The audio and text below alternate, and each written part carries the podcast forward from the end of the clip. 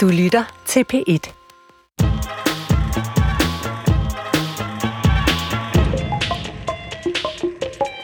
Jeg stopper, fordi at øh, det er nået til et punkt, hvor det for mig at være i den offentlige debat øh, simpelthen har for store øh, konsekvenser for mit ved og vel og mit privatliv og øh, øh, af og til øh, min egen sikkerhed øh, simpelthen øh, at være til stede. En klummeskribent trækker sig fra avisspalterne, fordi det er blevet for barskt at være udsat for den vrede og de meget personlige angreb, hun møder. Hvor vrede læsere går efter hende og ikke efter bolden. En masse vrede, meget voldsomme angreb på hende. Den hissighed eller vrede, den rammer i solar plexus på sådan en altså uafrystelig måde. Cirka hver 20. kommentar, altså 5% af alle de kommentarer, der bliver skrevet, det er det, vi kalder et personangreb. Bliver skadet, bliver dræbt, aber, svin, rotter. Nogen burde ikke få lov at yngle, luder, sæk, kælling, dumme kvindemenneske, møgtø. Lille pattebarn, du har ikke noget at skulle have sagt om det. Det er nemt at blive vred, men på den rigtige person og den rigtige måde. Velkommen til Supertanker. Jeg hedder Carsten Nordmann. Be ready for instant action. Prepared anything and everything. Man kan godt samtidig spekulere over, hvor langt vi egentlig er kommet i vores generelle civilisering af blandt andet vores vrede. Der kan være utallige grunde til at blive noget så æderspændt rasende, Harmdierne, godt gal i skræden, se rødt og måske kom helt over i hvidt raseri. Men når man ser på diverse fora, hvor alderen ved os vrede kan komme til udtryk, mere eller mindre ufiltreret, så er det, at en god gedin undren kan melde sig over, hvor vi egentlig er nået til, når vi taler om lige behandling af kønnene, hudfarverne, religionerne, seksualiteterne, de sociale lag og adskilligt flere grupperinger, som kommer til og i debat med jævne mellemrum. Debat, som forhåbentlig på lidt længere sigt skal gøre os lidt klogere, men samtidig har det med at eksplodere i vredladende, gennemforpissede, perfide personangreb som måske, måske endda faktisk ret sikkert, ikke rammer de rigtige mål på det rette tidspunkt af den rette årsag og på den rigtige måde og så går udviklingen i stå. Så laver vredeseksplosionen et krater så stort, at det kan være virkelig svært at skrue henover og komme videre. Det er altså ikke let. Anne-Marie Søndergaard Christensen, professor i filosofi på Syddansk Universitet. Velkommen til dig. Tak skal du have. Vi skal tale øh, i dag ud fra et citat af øh, Aristoteles, så øh, lad os lige åbne ballet her med at høre, hvad din relation er til ham. Jamen, min relation til Aristoteles er næsten øh, lige så lang, som jeg har kunne kalde mig sådan filosof. Jeg møder ham på første semester, og er mest på det tidspunkt mest interesseret i moralfilosofi. Og der læser vi, øh, øh, hvad hedder det, vi læser hele hans hovedværk, den nikomachæiske etik, og det rammer mig som noget, der er både relevant og brugbart. Og, øh, så han bliver ved mig lige øh, siden. Har været med mig lige siden. Og, og, og, og det her øh, etikkursus, øh, som, som jeg går ud fra, det er den mm. nikomakaiske, nikomakaiske etik. Altså, hvad, hvad er det, det sætter i gang i dig? Jamen, det er noget med at være interesseret i moralfilosofi, og samtidig på det tidspunkt, hvor jeg læser i, øh, i 90'erne, der er den nutidige moralfilosofi, den er sådan meget abstrakt og meget analytisk, og handler meget om at koge øh, moralfilosofi ned til helt enkelt dele. Og Aristoteles er helt anderledes. Han beskriver mennesket, og han prøver at beskrive os som interagerende med hinanden, og som drevet af bestemte følelser, og på en måde, der var genkendelig, selvom det var en af de ældste tekster, vi læste. Og det og vi taler to og tusind år siden. Vi taler to og tusind år siden, ja. og det er lidt men til, at jeg senere øh, altså blev, øh, kom til at forske inden for den gren af etikken, som han arbejder med, nemlig dødsetik. Yes. Og lad os lige høre øh, citatet, som, som vi skal tale om. Nu løftede jeg lige sløret for det en anelse i introen, men, men lad os lige få det ordret her. Vi får det hele her.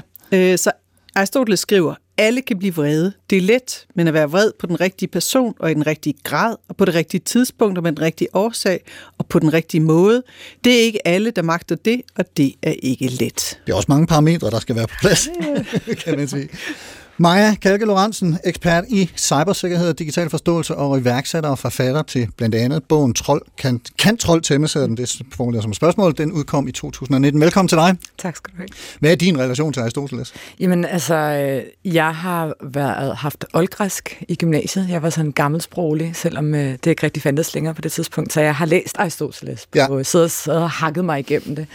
Øhm, så jeg har selvfølgelig også et forhold til sådan de, de gamle grækere, men ikke lige så, øh, hvad hedder det, dybt som Anne-Maries. Nej, men nu hørte du citatet her, øh, og, og det er jo det, vi baserer vores samtale på i dag. Kan du ikke prøve at, at sige lidt om, hvordan det passer ind i noget af det, du øh, arbejder med? Jamen, det passer jo rigtig godt ind i det, jeg arbejder med, som er sådan blandt andet, hvordan digital debat foregår, og hvordan den kan sådan køre sporet og hvordan folk kan blive meget vrede ja. på, på internettet. Fordi man ofte ser det her med, at vrede måske bliver rettet nogle lidt uhensigtsmæssige steder hen, eller har nogle rigtig destruktive effekter for den offentlige debat. Det skræmmer mange mennesker væk, eller det, det, det lukker ligesom munden på nogle mennesker, men også at vi kan se, at vrede kan være i digital aktivisme enormt transformativt. Det kan få mange mere ombord, og det kan gøre, at folk ligesom melder sig under fanerne for en bevægelse for social forandring og for rykket noget. Så det er ligesom sådan det her dobbeltsidigt svær. Altså vrede kan være meget, meget transformativ, og det kan også være ekstremt destruktivt. Og, og nu var det, øh, hvad hedder hun, øh, Anne-Christine Cremont, som øh, vi hørte her i Ja. begyndelsen, øh, som, som øh, har, har trukket sig fra spalterne, fordi ja. hendes klumeskriverier simpelthen gav anledning til for mange personangreb. Ja. Hvordan er du blevet optaget af, af, af det her felt cybervrede og troldeadfærd og den slags, altså den her måde, folk virkelig øh, kører afsted på online fora? Jamen altså, jeg øh, stødt helt tilbage, dengang jeg skrev, skulle til at skrive speciale på Københavns Universitet på nogle rigtig vrede mænd på nettet, som øh, lavede en lang række blogs og hjemmesider, hvor de øh, sad og var vrede over feminismen og vrede på kvinder og vrede på andre mænd, der gjorde tingene forkert. Det er det, man kalder manusfæren i dag, men det navn, det havde man ikke endnu. Øhm, og siden da har jeg bare været rigtig meget online og interesseret mig for forskellige øh, subkulturer og også hadfællesskaber, som meget bruger det her med at våbengøre andre menneskers vrede til at nå nogle politiske mål, men som også identificerer sig meget ved den her vrede, og nogle gange også ved at være decideret hadfuld med andre grupper. Og så kigger jeg selvfølgelig på det, fordi jeg hjælper rigtig mange organisationer og individer med det her. For eksempel sådan som Anne-Christine Kamon fortæller, det her med at blive angrebet rigtig meget, når du står frem i den offentlige debat. Der hjælper man med noget, man kalder digitalt selvforsvar, som er sådan, hvordan beskytter du dig både mentalt, men også sådan digitalt mod det her. Og der er man jo nødt til at studere det. Hvad er det? Og også det her med øh, at lære folk at kende forskel på sådan, du ved, en legitim vrede kritik, for eksempel hvis man er politiker eller en offentlig meningsdanner, og så der, hvor det er, hvor det er hadfuldt, hvor det er personangrebende, og hvor det decideret er utrygsskabende. Øhm, og hvordan skiller man, og hvad gør man i de forskellige situationer? Og, og vi kommer netop senere ind på, at vrede jo faktisk i, i, i visse tilfælde kan være både konstruktiv og befordrende for en positiv udvikling.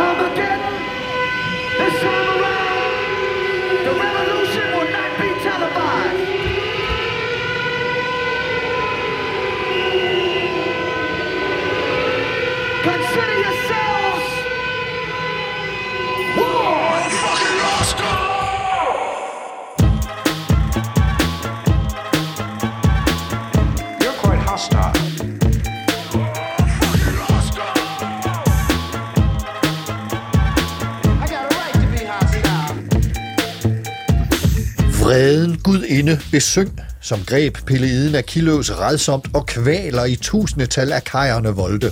Sendte behjertede sjæle af talrige helte til hades og lod dem selv blive slængt som æde for hurtige hunde, grådige gribe og ravne. Min oldlærer, fantastisk lærer, Steffensen, kastede armene i vejret, sprang rundt på gulvet og måske op på bordet, da han skulle fortælle om åbningen af Homers Iliaden fra ca. 700 år før vor tid. En åbning, som sætter rammen for grækernes belejring af Troja, men især for Achilles' vrede og hvad den førte med sig. Så skal vi besøge vreden. Eller skal vi måske snarere besinde den, før vi besætter en by, starter en krig, planlægger et mor eller starter en religion. Man skal aldrig forsømme lejlighed til at citere Dawes. We could plan a murder or start a religion. Når man søger på ordet vrede online, kommer der resultater op om, hvordan man tæmmer og kontrollerer sin vrede, mindsker sin vrede, slipper af med den. Behandling af vrede og vredes håndtering, anger management. Er vi selv herre over vreden? Kan vi besinde den? Vi ser vreden i mange afskygninger, mange steder. Barnet, der kaster sig skrigende på gulvet i supermarkedet, fordi det ikke har fået sin vilje. Unge mennesker i USA og resten af verden, der råber Black Lives Matter og Me Too. Anders Sand, der skiller ud på rip, rap og rup i bedste sendetid. Vrede er beskrevet i historien lige siden nogen begyndte at filosofere. Lucius Annaeus Seneca, født fire år før vor tid, udgav De Ira på dansk om vrede i år 41. Seneca mener, at vreden ikke er en pludseligt opstået følelse, men noget, der opstår gennem eftertanke. Den ulmer og opbygges i refleksionen over situationen, og sommetider eksploderer den. Seneca siger, citat, vrede er først det, der sætter sig ud over fornuften og river den med sig. Ifølge Seneca er mennesket et fornuftsvæsen, det vil sige, at vi kan vælge, om vi handler på vores følelser. Kun i starten af livet er vi driftsvæsener, hvilket nok er en grund til, at vi har nemmere ved at tilgive barnet på gulvet i supermarkedet, end chefens voldsomme vredesudbrud rettet mod den forkerte.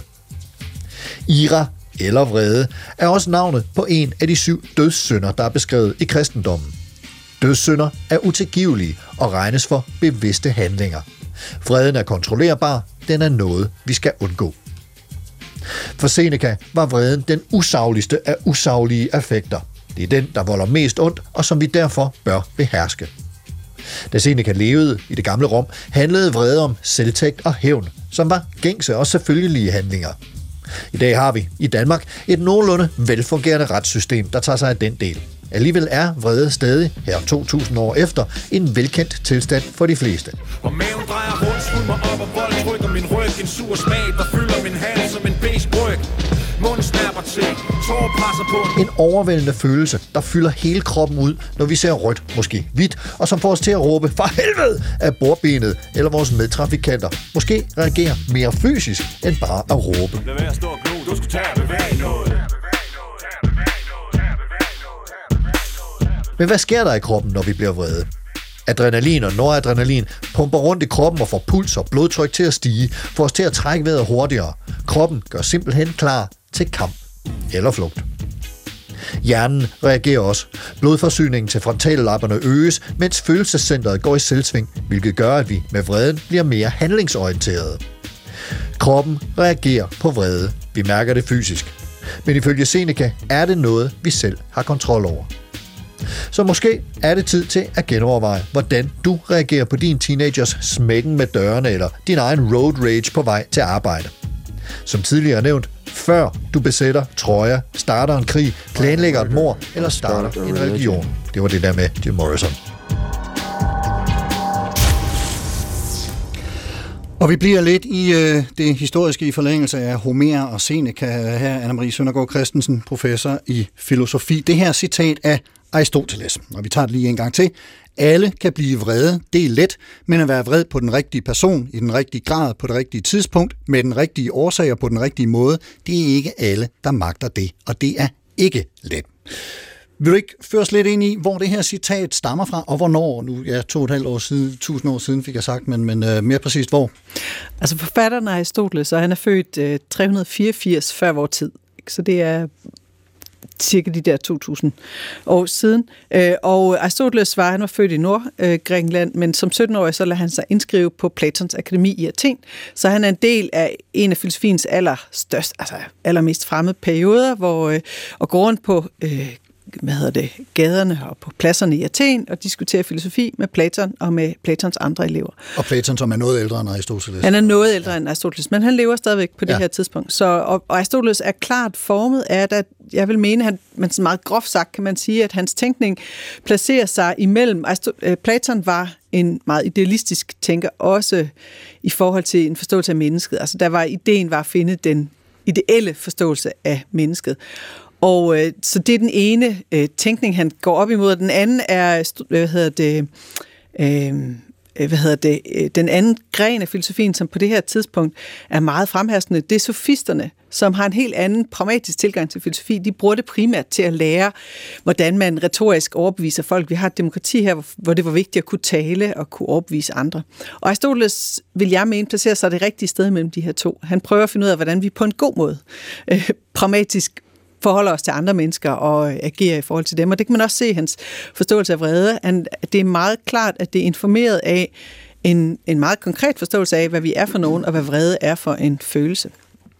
Og, og, og så øh, han skriver han så den her, det her citat, som, som vi taler om, det skriver han ind i, i den øh, bog, eller det skrift, som du nævnte tidligere, den nikomakæiske etik. Ja. Hvad, hvad ligger der i ordet nikomakæisk? Bare sådan øh, nysgerrighed. Jeg kan ikke huske, om det er hans far eller hans søn, eller det er faktisk begge to. Så det er simpelthen bare, øh, en, han øh, nikker lige til øh, sin familie i titlen. Ja. Det er simpelthen bare det. Og det værk, øh, kan, du, kan du sige lidt om, hvad, hvad det er for et værk? Øh, det, er, det er hans store moralfilosofiske værk. Altså Aristoteles det er også meget usædvanligt. Han arbejder inden for næsten alle grene af filosofi, og også inden for biologi og øh, meteorologi, for eksempel, havde han også, har han også et skrift om. Øhm, han er men det, det, man senere ville kalde et renaissance-menneske. Det øh, vil man... et par tusind år tidligere. eller tusind år tidligere. Ja. Øh, hvad hedder det? Men det her, hans moralfilosofiske værker, det vil sige, det er et værk, der handler om, som Aristoteles selv skriver, det her, det øh, vi, øh, vi øh, hvad hedder det, skriver det her værk, eller vi er i gang med at undersøge ikke, hvad godhed er, men vi er i gang med at undersøge, hvordan vi bliver gode mennesker. Øh, så det er også et praktisk værk. Altså det er et forsøg på at sige, hvordan skal vi forholde os, hvis vi gerne vil blive bedre øh, mennesker. Og for Aristoteles er det altid inden for en ramme af det, vi i dag vil kalde dydsetik, altså læren om dyderne. Dyder er karaktertræk måder at udvikle os på, så vi bliver bedre til at håndtere vores følelser og bedre til at resonere øh, omkring øh, verden og vores relationer til andre. Så ja. Ja, og når jeg tænker, det er måske meget godt lige nu, nævner du ordet dydsetik, og, og lige øh, sætte det ind i en ramme, fordi man taler også om andre øh, former for etik, og bare lige for at få dem med, øh, hvordan det adskiller sig fra for eksempel pligtetik og og nytteetik. nytteetik ja. ja. Altså, øh, hvis vi tager nytteetik først, der har man ligesom en øh, i en eller anden forstand en øh, grundregel, der siger, at man skal handle således, så man kan skabe mest mulig nytte for flest mulige mennesker. Det vil sige, at det er sådan en, en regel, man kan gå, når man tænker over, hvad man skal gøre. Øh, Kant er anderledes, fordi han, og nytteetikken er derfor også meget fokuseret på konsekvenser, at man hele tiden laver nogle beregninger af, hvad sker der, hvis jeg gør det ene eller det andet, og hvad er konsekvenserne af det. Øh, Kant øh, eller pligtetikken går i en helt anden retning og siger, at der må være nogle absolute regler, som alle skal følge. Så vi har pligter, som er ting, som at man må ikke lyve, og man må ikke stjæle, og man bør hjælpe andre. Øh, så man har igen sådan nogle meget håndfaste regler. Aristoteles etik er anderledes end de her to, fordi fokus for det første ikke er så meget på handlinger, det er på menneske. Hvad skal så spørgsmål, grundspørgsmålet er ikke, hvad skal jeg gøre, men grundspørgsmålet er, for, for et menneske skal jeg blive til. Hvem skal jeg være? Hvem skal jeg være? Ja. Øh, og, det er også et stort spørgsmål. det er også et stort spørgsmål. Aristoteles var ikke ublu over for store spørgsmål, selvom han på mange måder var pragmatisk. Og så er det fokuseret på, øh, at øh, der nok ikke er så meget regler. I stedet for handler det om at udvikle nogle evner. Nogle, øh, altså dyderne er i en, i en vis grad en form for færdighed i vores omgang med verden. Ja, og, og, og hvis vi skal prøve så at gå lidt øh, analytisk eller sådan fortolkningsmæssigt til værks ind i, i uh, citatet her, hvad, hvad vil du så sige, at øh, hvad er det, han siger, Aristoteles? Hvad er det, han siger? Jamen, han siger i virkeligheden netop det her med, øh, øh, dyderne for Aristoteles håndterer følelser, og vrede er jo klart en følelse.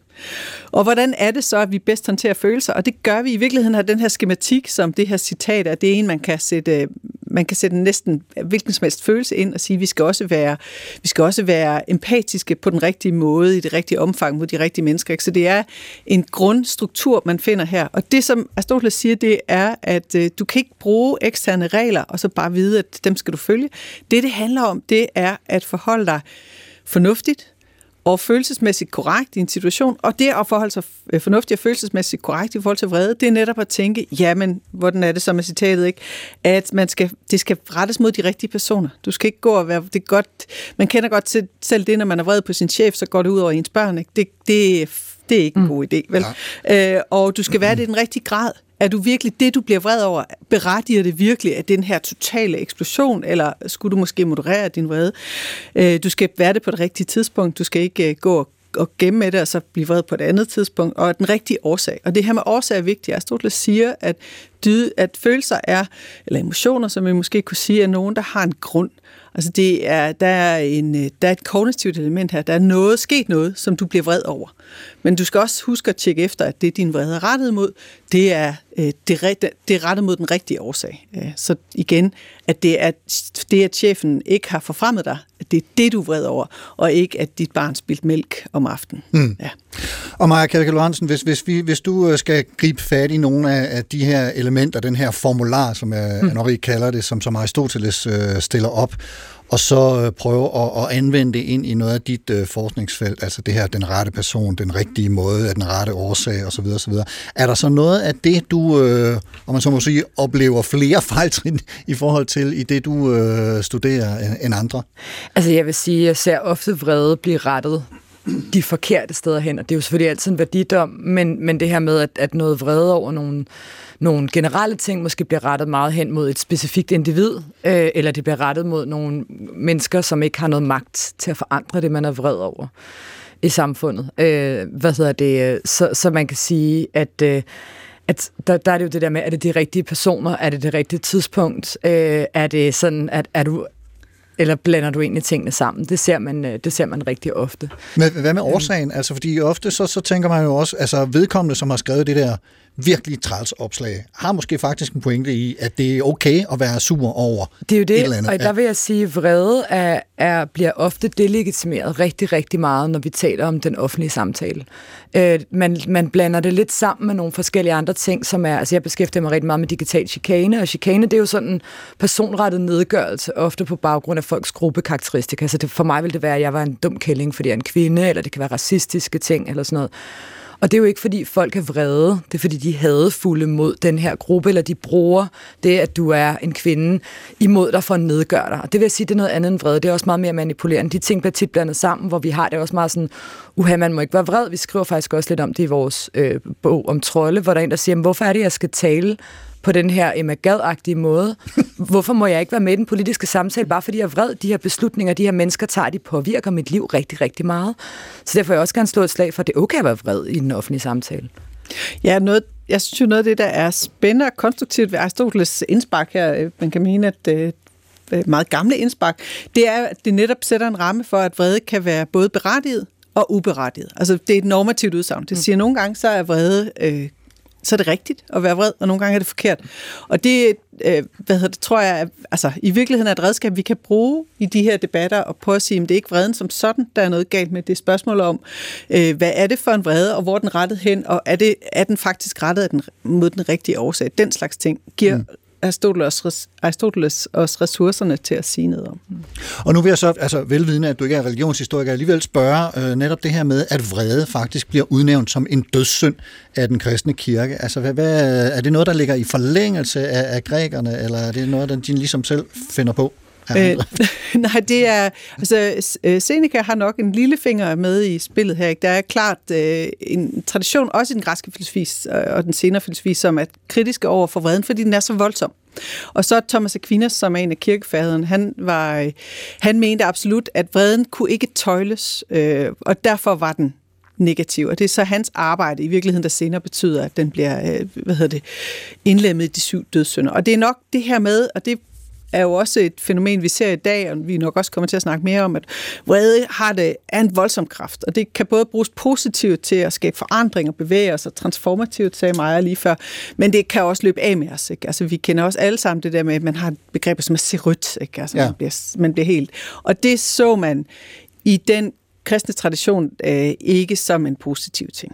Men, men, men baserer han det, øh, ved, ved vi noget om det, om, om øh, Aquinas han ligesom baserer det på nogle særlige øh, tilfælde, han har oplevet, at øh, vi kan ikke tøjle vreden, derfor øh, udnævner vi det til at være en dødssynd. Men det, så vidt jeg husker, det er faktisk et stykke tid siden, jeg har været tilbage i den her øh, litteratur, så er det ikke Aquinas som sådan, der siger, at det er en dødssynd. Han har en lidt mere nuanceret, men det er, men han, han mener generelt, hvis vi undgår vreden, så, øh, så er det en fordel. Og så udvikler det sig så i en, i en mere teologisk tradition, som jeg ikke kender til, øh, til øh, ideen om en dødssynd.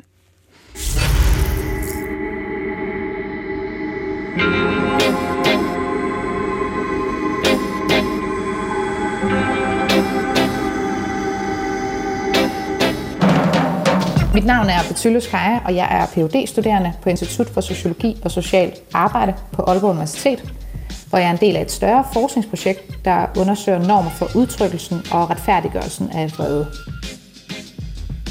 Ja, hvorfor er vreden egentlig overhovedet interessant øh, for os at undersøge det her øh, øh store forskningsprojekt? Øh, der er der det her, at, at vi alle kender egentlig til følelsen af vrede, øh, fordi det er en af de helt grundlæggende øh, menneskelige øh, øh følelser. Men selvom at vi alle kender til den, så er det, vi får ud af den, meget forskelligt. Og det er her, sociologien kommer i spil, fordi at, øh, at din position i samfundet simpelthen får betydning for, hvordan din vrede bliver opfattet, og om den bliver anerkendt. Øhm, så vredens potentiale er altså ikke øh, lille fordelt i samfundet.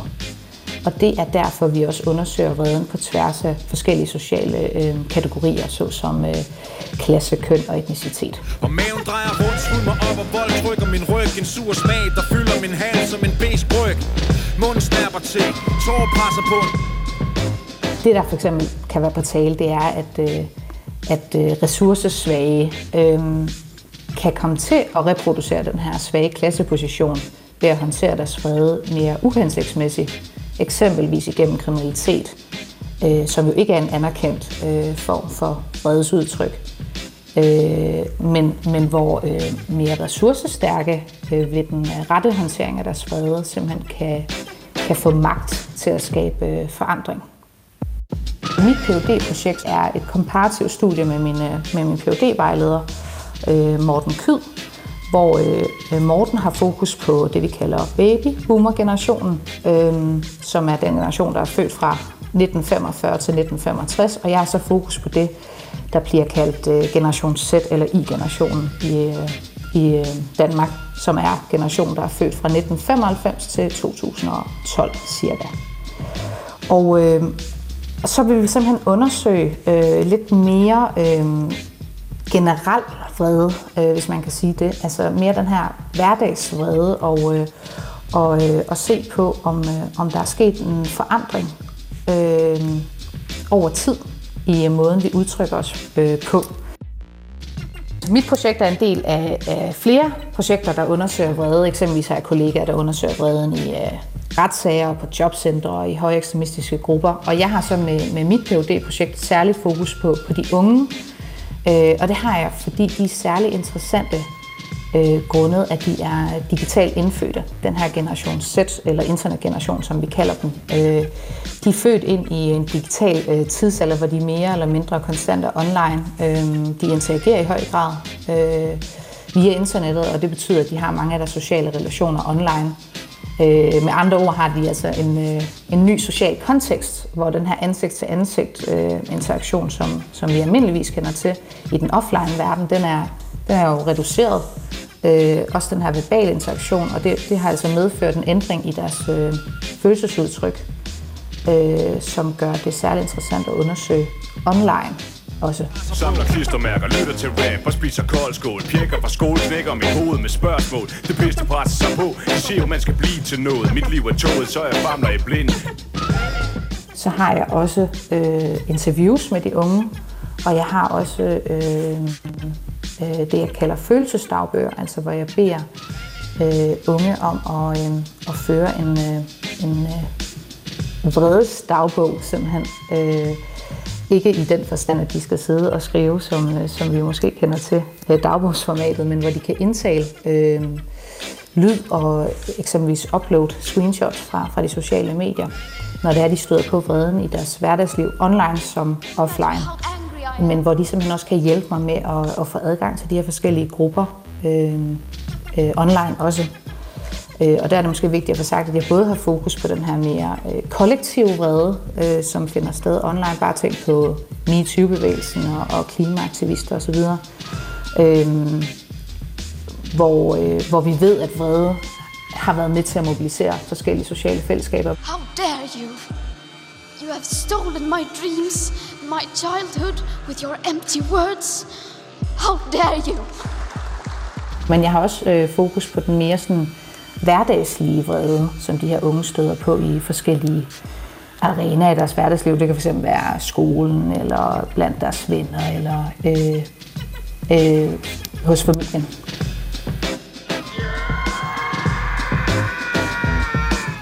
Det, der sådan er øh, det overordnede formål med det her projekt, det er øh, at undersøge, hvordan øh, vreden også kan være øh, en produktiv kraft. Altså at vreden har et, øh, et ofte overset øh, potentiale, men at det her potentiale ikke er lille fordelt på tværs af forskellige sociale kategorier, og det her er sociologien også øh, kommer i spil, øh, og det her det bliver spændende for, for sådan en sociolog som mig, at, øh, at ens position i samfundet har en betydning for, om, om ens vredes udtryk øh, simpelthen bliver øh, anerkendt.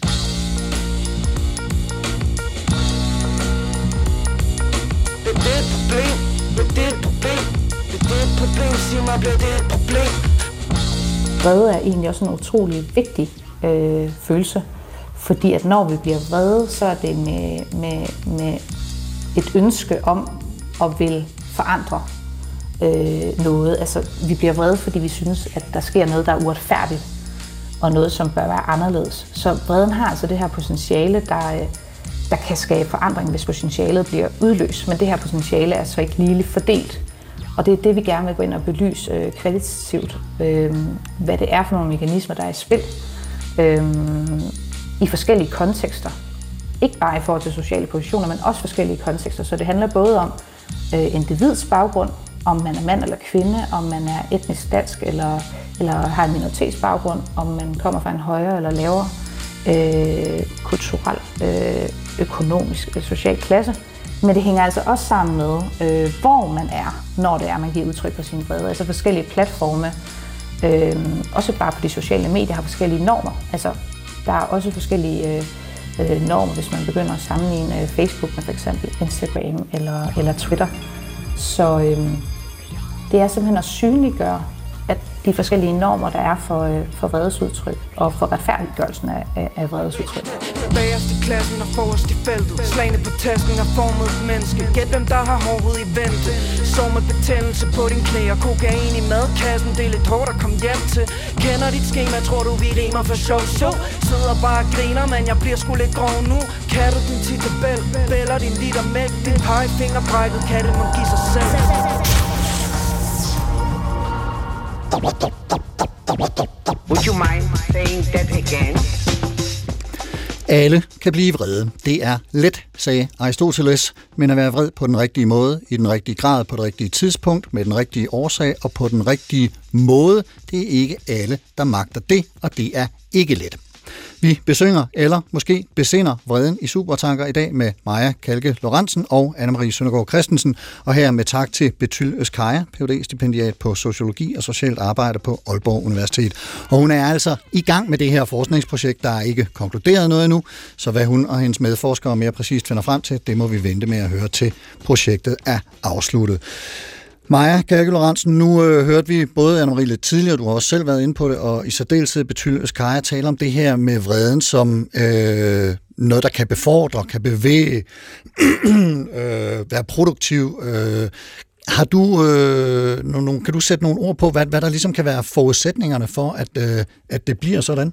Jamen altså, vrede er jo en enormt mobiliserende følelse på en eller anden måde. Hvis vi ser noget, det ser meget på internettet, hvis du ser noget, der gør dig vred, så er du også mere klar til at handle på det. Det er jo noget, som sociale bevægelser bruger til at mobilisere og sprede budskaber. Jeg har også selv arbejdet både i Amnesty og Greenpeace som det, man kalder sådan en mobilisator. Altså det vil sige, hvor vi tager nogle sager, så vil man gerne have folk gå ind i de her, for eksempel menneskerettighedskrænkelse eller klimaforandringer. Og så skulle vi bruge noget, der gør folk vrede. Hvis vi fortalte nogle øh, søde eller konstruktive historier, øh, så virkede det dårligt. For eksempel var det rigtig skidt, kan jeg huske, øh, der var mange, der snakkede om det miljø dengang, at det gik fra at være George Bush til at være Obama, der var præsident, fordi folk var bare mere vrede på George Bush end de var på Obama, og derfor så var det bedre at sige, skriv til den amerikanske præsident, når folk synes, han var en klovn. Altså så kunne man ligesom mobilisere den der sådan øh, vredesfølelse. Så det kan, man jo, det kan man jo gøre, men det som så også er vigtigt, når man er en, en social bevægelse, der vil forandre noget, det er, at man ved, hvad det er, man vil forandre. Og også det her med igen, er det den rigtige person, man retter det hen imod. Fordi vreden er ikke særlig bæredygtig i længden, hvis man ikke har nogle klare forestillinger om, hvad det er, man gerne vil lave om.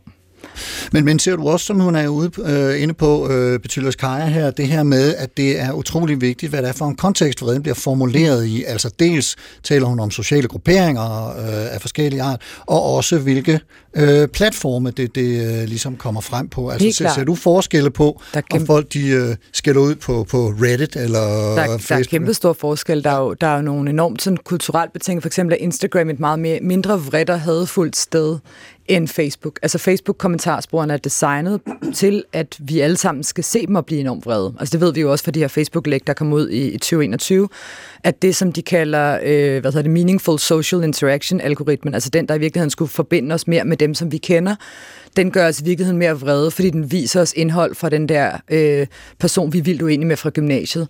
Og så bliver vi rasende, og så svarer vi et eller andet, og det giver masser af engagement, og det er det, Facebook lever af. De lever af engagement, og De har fundet ud af, de skal faktisk pisse os så meget af, at vi gider kommentere, så vi er aktive på platformen. Det er ligesom det, de tjener penge på. Så sådan fungerer Facebook rigtig meget.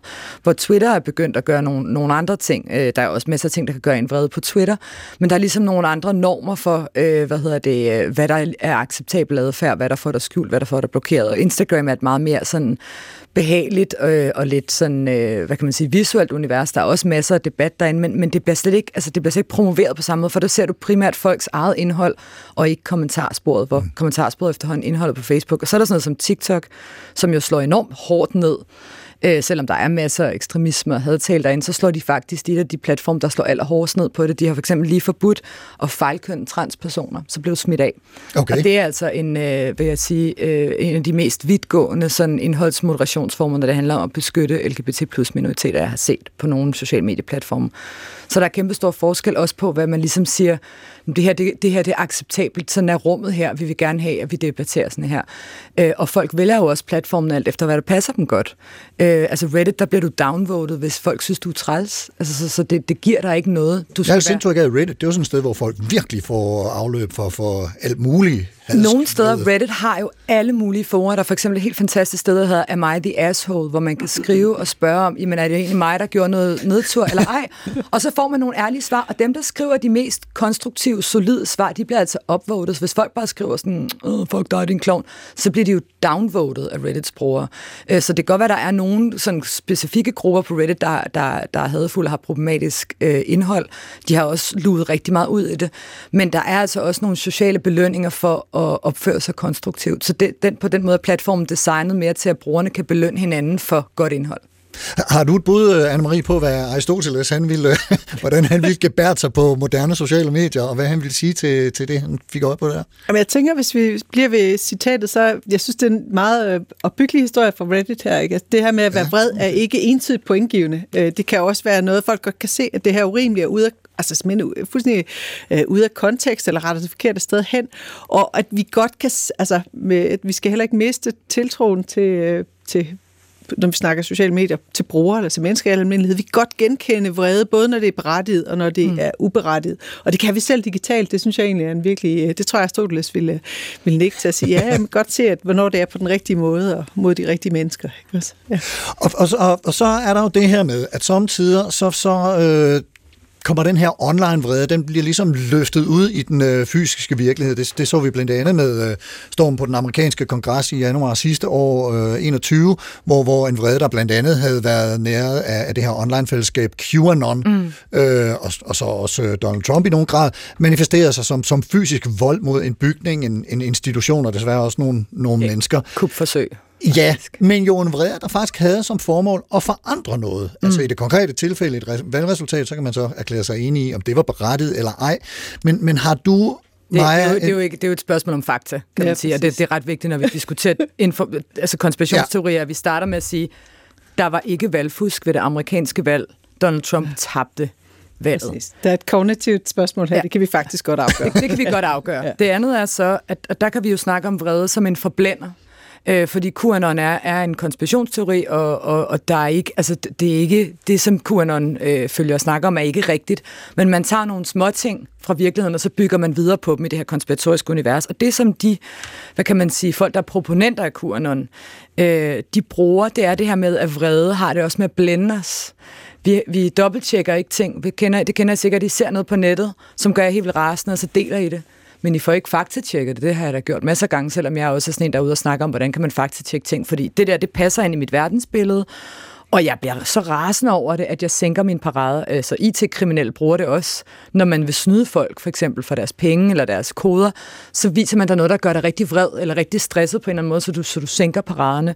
Og det samme sker med konspirationsteorier. Man fortæller en historie, som gør folk så rasende, og måske har man nogle små elementer, et, et ægte billede, men man lyver om, hvad der foregår på det.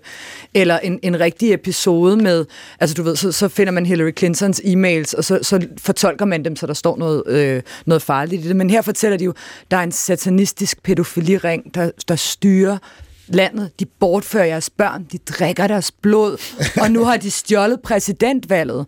Og hvis du så tror på det, altså, så bliver du selvfølgelig så vred, altså, øh, når, når man bliver præsenteret for det her, sådan uden at, at blive præsenteret for fakta, at så er man villig til at gøre noget for Gud forandre det, hvis det vidderligt er det, man tror, der er ved at ske. Det vil det også være helt forfærdeligt. Det passer sig bare overhovedet ikke. Og der kan vrede våben gøres i disinformation. Så, så det, det er det, der sker, når, når, når vi tager en online vrede og tager den ud på, på gaden, som vi så øh, i USA, og som måske øh, den Nogle her gange, bevægelse Men altså- in Black også i nogen grad... Ja, vi har jo, altså Men in Black var jo vrede over noget, der konkret sker også. De var Ja. vrede over nedlukningerne, og mange af dem, der er Men in Black, de er nogen, der har vant til at få deres vrede ud fysisk. Øh, Der er jo mange hooligans, øh, bandemedlemmer, de er måske vant til, at man, altså du ved, man kan, slå, man kan komme ind og se noget fodbold, og så hvis man gerne vil slås, så kan man komme til det. Eller man kan komme ned i fitnesscenteret og bruge sin krop, og det kunne man ikke. Så der var ligesom et behov for at have et andet outlet. Man mm. kan også se, hvor meget de har aftaget nu, hvor vi Ja. lukket op igen. altså nu står der meget få mennesker, det er mere sådan grydelås-segmentet der, ikke? Jo. Som, som stadigvæk øh, også har fået noget identitet af at være sådan øh, dissidenter på den der måde. Men, men, men, altså, men at vreden kan, kan våbengøres. Altså, hvis du gør folk vrede, kan du få dem til at gøre nogle ting og sige nogle ting, de ikke ellers ville gøre. Ja. Men, men hvor meget tænker du, øh, og det er måske i virkeligheden et spørgsmål til jer begge to, altså det her med, øh, Aristoteles han formulerer det her citat ind i en forelæsningsrække eller en, en etik, som handler om at blive et godt menneske og gøre noget godt. De her mennesker, som, som reagerer meget voldsomt, enten med online vrede, eller tager det ud i virkeligheden og reagerer fysisk, hvor meget at, har de reelt et ønske om at, at være gode mennesker? Jamen, Aristoteles ville sætte det krav, at de, skulle, at de skulle gøre deres hjemmearbejde. Altså, de skulle tjekke, om det, de er vrede over, faktisk også er tilfældet. Og så kan den bruges, altså, så er han helt med på, at så er det en bevægende kraft, der kan bruges konstruktivt. Jeg tænker også, der er også den omvendte bevægelse, at nogle gange så er vrede noget, der ligesom man er vred, man kan ikke rigtig sætte ord på, hvad man er vred over. Og så når man først, for eksempel, jeg tænker på den øh, sag, der var for et par år siden med en kvinde, der blev slået ihjel i England, øh, på vej hjem fra byen, eller ikke engang fra byen, klokken 9 om aftenen. Og så kom der sådan en, der kom en bølge af vrede, men som også gravede noget viden frem, man egentlig, eller gjorde opmærksom på noget viden, man godt vidste, men som vi ikke rigtig har tænkt over, nemlig hvor mange kvinder, der bliver, er, bliver udsat for overgreb, eller bliver, øh, hvad hedder det, slået ihjel, når de går alene hjem om aftenen. Ikke? Så der blev vreden sådan en erkendelsesdrivkraft, ikke? som sagde, det her, det prøver vi at glemme, det gider vi ikke rigtig forholde os til, men nu, nu er der nogen, der bliver vrede over det, og det har de grund til, og så lige pludselig kan vi se, at her er faktisk et problem. Maja, hvor meget tror du, at øh, mennesker, som går på gaden, eller som skælder og smælder og, og raser på, på internettet, hvor meget tror du, det gør det ud fra et, et ønske om at gøre noget godt, øh, fordi de selv er overbevist om, at de har ret, at deres vrede er Altså, jeg tror, at de fleste mennesker, der raser på internettet, er overbevist om deres eget verdenssyn. Altså, der er jo charlataner iblandt, som er ude på at tjene penge. Altså, nu vi snakker om konspirationsteoretikere, så sådan en som Alex Jones fra Infowars, som også har en webshop, hvor han sælger prepper gear til alle de der folk, han bilder ind, der er en apokalypse lige rundt om hjørnet. altså, om han tror på det, sådan, nej, men det sælger, ikke? Altså, vrede sælger. Det ved vi jo også med, med sociale medieplatforme. Jeg tror, at de fleste mennesker, der er optændt af den her vrede, og lader den komme til udtryk, øh, de, de, de tror selv på det, men så er det også, som Anne-Marie siger, har man gjort sit hjemmearbejde? Har man tjekket, om det her, man har fået videre af nogen, øh, er rigtigt? Og har man tjekket dem, der har givet dig det at vide? Hvorfor er de interesseret i at gøre dig vrede? Altså, har de, har de en økonomisk interesse i det? Vil de gerne sælge nogle aviser? Øh, vil de gerne have nogle klik øh, altså ind på deres platform? Og den type sådan kritisk stillingtagen til, når nogen pisker en stemning op, øh, det, er, det er noget, som, som vi er nødt til at lære meget mere, fordi det- alle har fået en platform til at piske en stemning op med sociale medier. Så det er blevet enormt nemt og omkostningsfrit at gøre.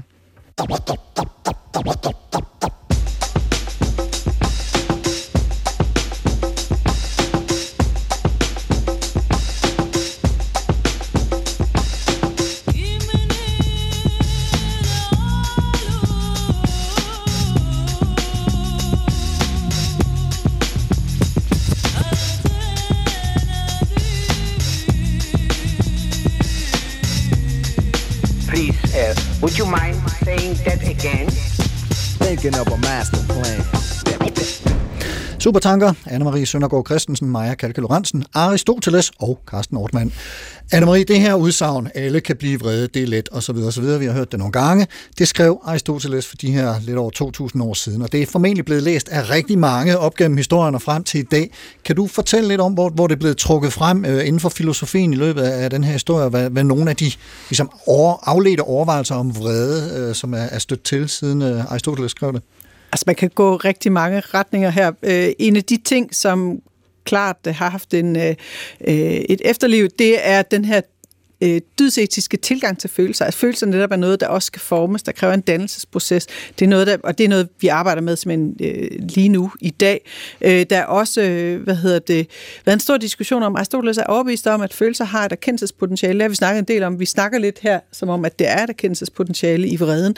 Øh, men det har været meget omdiskuteret. Der har også været øh, filosofer, der mente, at følelser bare var sådan noget indre udbrud. Der, øh, så, så det her med at spørge, om det var rigtigt eller forkert at være vred, det gav faktisk ikke nogen mening. Du må lige se at tænke lidt rationelt, i stedet for alt det følelses. Ja, alt det der, ja. så vi bare skulle sørge for, at alle følelserne skulle holde sig vejen. Ikke? Aristoteles mener faktisk, at der kan være noget konstruktivt i det.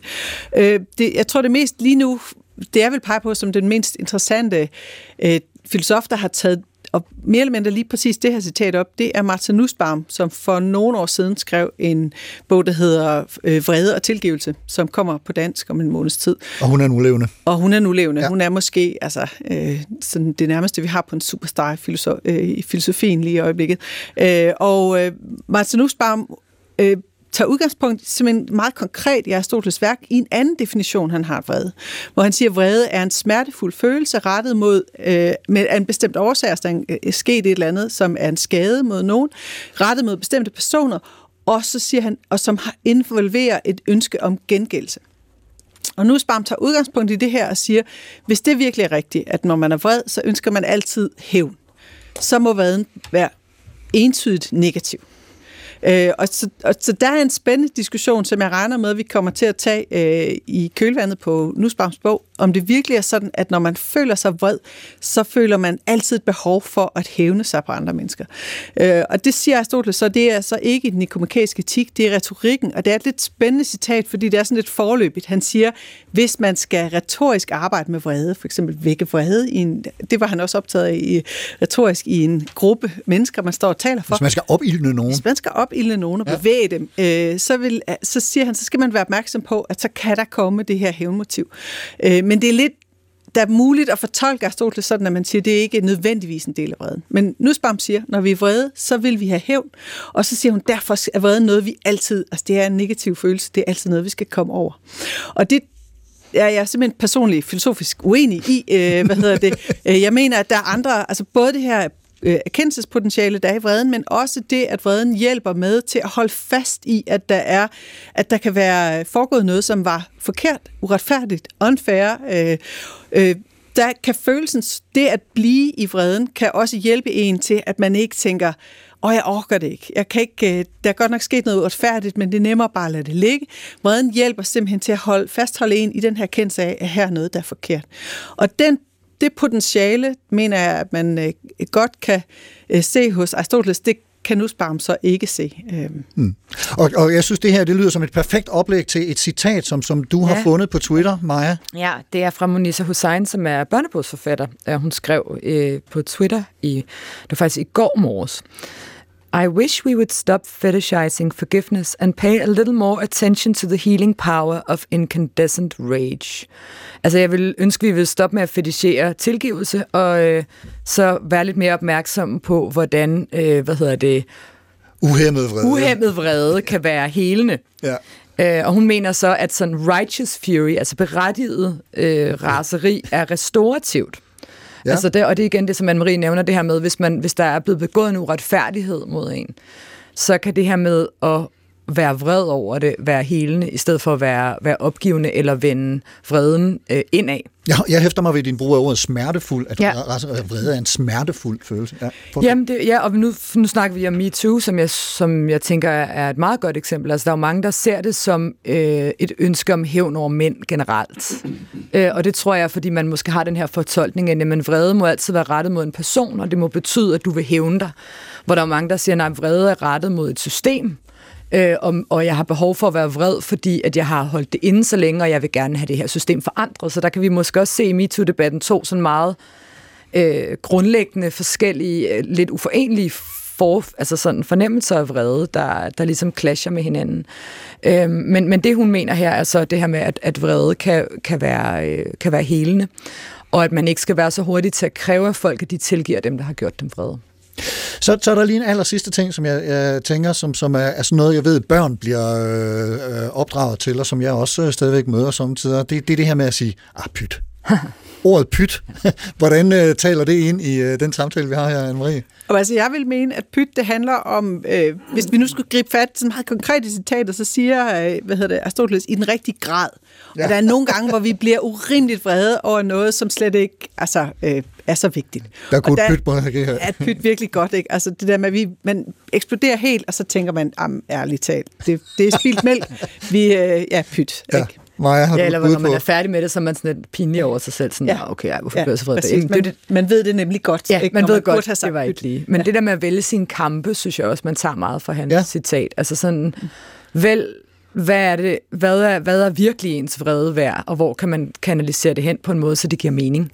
Mm. Øh, og så nogle andre ting kunne man måske sige, ja, netop pyt, eller er det, er det virkelig det værd, eller er det noget, hvor man faktisk får det sådan en lille smule dårligt med sig selv bagefter, fordi det er gået over den forkerte person, eller det var proportionerne i det var forkert. Ikke? Ja, så den rigtige grad, og den rette person, og det rigtige ja. tidspunkt, og Det vil sige, årsag. altså, som en, der er alt for meget online på sociale medier, så kan man virkelig huske at vælge sine kampe. Fordi man kan altid finde noget, der kan gøre en helt vildt Jeg er hurtigt kommet til at bruge ret meget tid på Ja. det her. Ja.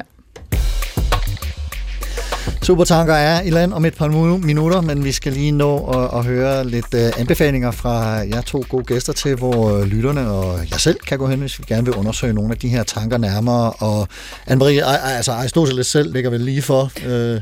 Ja, der er gode muligheder, både, den, øh, både etikken og øh, retorikken, som jeg også nævnte, de er oversat til dansk i gode oversættelser, er lige til at gå til. Ellers så vil jeg gerne anbefale i virkeligheden et øh, noget så øh, funky som et langdigt af Maja Lee Langvad, som hedder Hun er vred, Ja. og som handler om transnational adoption. Og jeg synes, det er et virkelig spændende digt, fordi det viser det her erkendelsespotentiale i vreden. Det, som er særligt ved bogen, det er, at hver eneste linje starter med, hun er vred, og så kommer der et eller andet, hun er vred over. Tit er hun vred både over, øh, hun siger for eksempel, jeg er vred på dem, som er imod, øh, som siger, at transnational adoption er godt, og jeg er vred mod på dem, som er imod transnational adoption. Ikke? Så hun er vred både på den ene og den anden gruppe. Men det viser noget om, at hun bruger den her vrede til at finde ud af, at der både er gode sider og dårlige sider ved det her fænomen, som hun undersøger. Og så bliver hun i vreden på den måde. Hun prøver ikke at finde ud af, hvad så er det rigtige eller forkerte. Hun prøver bare at finde ud af, okay, lad os undersøge alt det, som Man er kan være vred problematisk. over. Man kan være vred over her. Ikke? Så på den måde er det virkelig sådan et, øh, i virkeligheden et erkendelsesværk, hvor vreden driver vores øh, viden. Vi bliver klogere men, men vil du mene, hun lever op til øh, Aristoteles' øh, forskrifter her? Ja, det vil jeg, det vil jeg faktisk mene. Også fordi hun, øh, hvad hedder det, øh, hun tillader sig hele tiden, at øh, hun går hele tiden videre i vreden. Altså, hun går ikke på gaden op. Øh, øh, så, så hun knytter, hun siger, jeg er vred over det her, og det er vred på dem her over. Så siger hun, jeg er vred over det her, så er jeg vred på dem her over. Men hun, hun, øh, hun konkluderer ikke og siger, så må vi gøre noget ved det. Hun prøver bare at vise, prøv at se, vi i det her svære felt, der gør vi alle sammen, eller der gør alle aktører fejl på den ene eller den anden måde. Lad os kigge på det. Ja. Og Maja Kalkul Hansen, du har en bog og en tv-serie. Ja, så bogen er af, af Whitney Phillips, øh, og den hedder This is why we can't have nice things, og den handler om internettrolde og deres sådan, relation til vores offentlige debat og mainstream medier, og det her med, som jeg synes er noget af det vigtigste, det her med, der er nogle mennesker, der nyder at gøre dig vred. Det kan være en internettrold, der synes, det er sjovt. Det kan også være nogle medier, som lever af øh, opmærksomhed. Så det her med at vide, at det er noget, en mekanisme, der ligesom bliver våbengjort, og det er, det er en del af kampen om din opmærksomhed. Det er rigtig, rigtig vigtigt, så man netop kan bruge det til at vælge sin kampe, og være sådan, okay, det her det, det er faktisk rigtigt. Det bør jeg blive vred over, og det her det er måske øh, en, en oppisket moralsk panik, som der ikke rigtig er noget sådan statistisk eller faktuelt grundlag bag, men, men du ved, det giver en masse klik. Og det andet er en serie, der hedder I May Destroy You, som jeg vil sige er en af de bedste tv-serier, jeg nogensinde har set. Det er Engelsk, ja. en engelsk øh, komiker, der hedder Michaela Cole, der har skrevet den, øh, og, og den er delvis selvbiografisk om et, et overgreb, hun var udsat for, da hun var i gang med at skrive andet afsnit af den første serie, hun lavede. Og den er, den er et af de sådan, øh, stærkeste sådan, portrætter, jeg har set af, hvordan håndterer man noget, altså et overgreb, hvor det også handler rigtig meget om, at hun på nogle tidspunkter går virkelig meget ind i den her vrede og bruger sociale medier til sådan at blive sådan en, en rage queen nærmest, men også kommer et andet sted hen i sin proces med det. Og, og den vil jeg virkelig anbefale. Den er god. Og den ligger på HBO, HBO. streamingtjenesten HBO. Ja. Og så skal jeg lige sige, at Whitney Phillips bog uh, This is why we can't have nice things, som er fra 2016, mm. er desværre ikke oversat til dansk uh, endnu, øh, meget bekendt. Nej. Nej. Og så vil jeg uh, selv lige benytte lejligheden til at, uh, at uh, anbefale Maja Kalke og to uh, medforfattere, så vidt jeg husker, ja. bog fra 2019, Katrol Temmes, som handler om noget af den her online-vrede. Og uh, fortælle, at uh, Martha Nussbaums bog om vrede og tilgivelse udkommer uh, her uh, i løbet af 2022, øh, og altså vil være tilgængelig om ikke så længe. Og det var superoptankningen for i dag. Vi når ikke mere.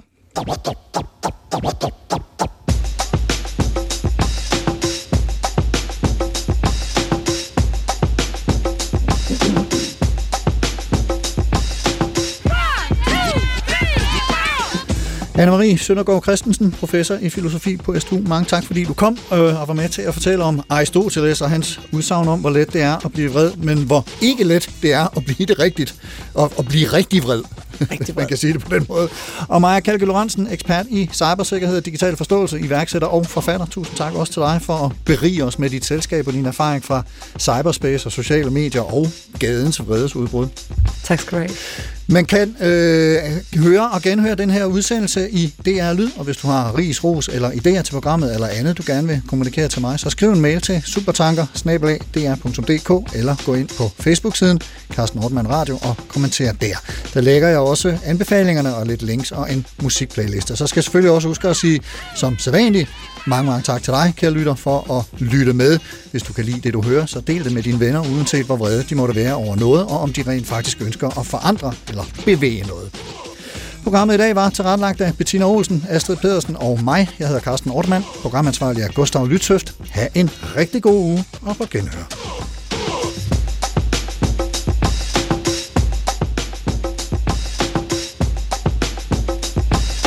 Thinking of a master plan.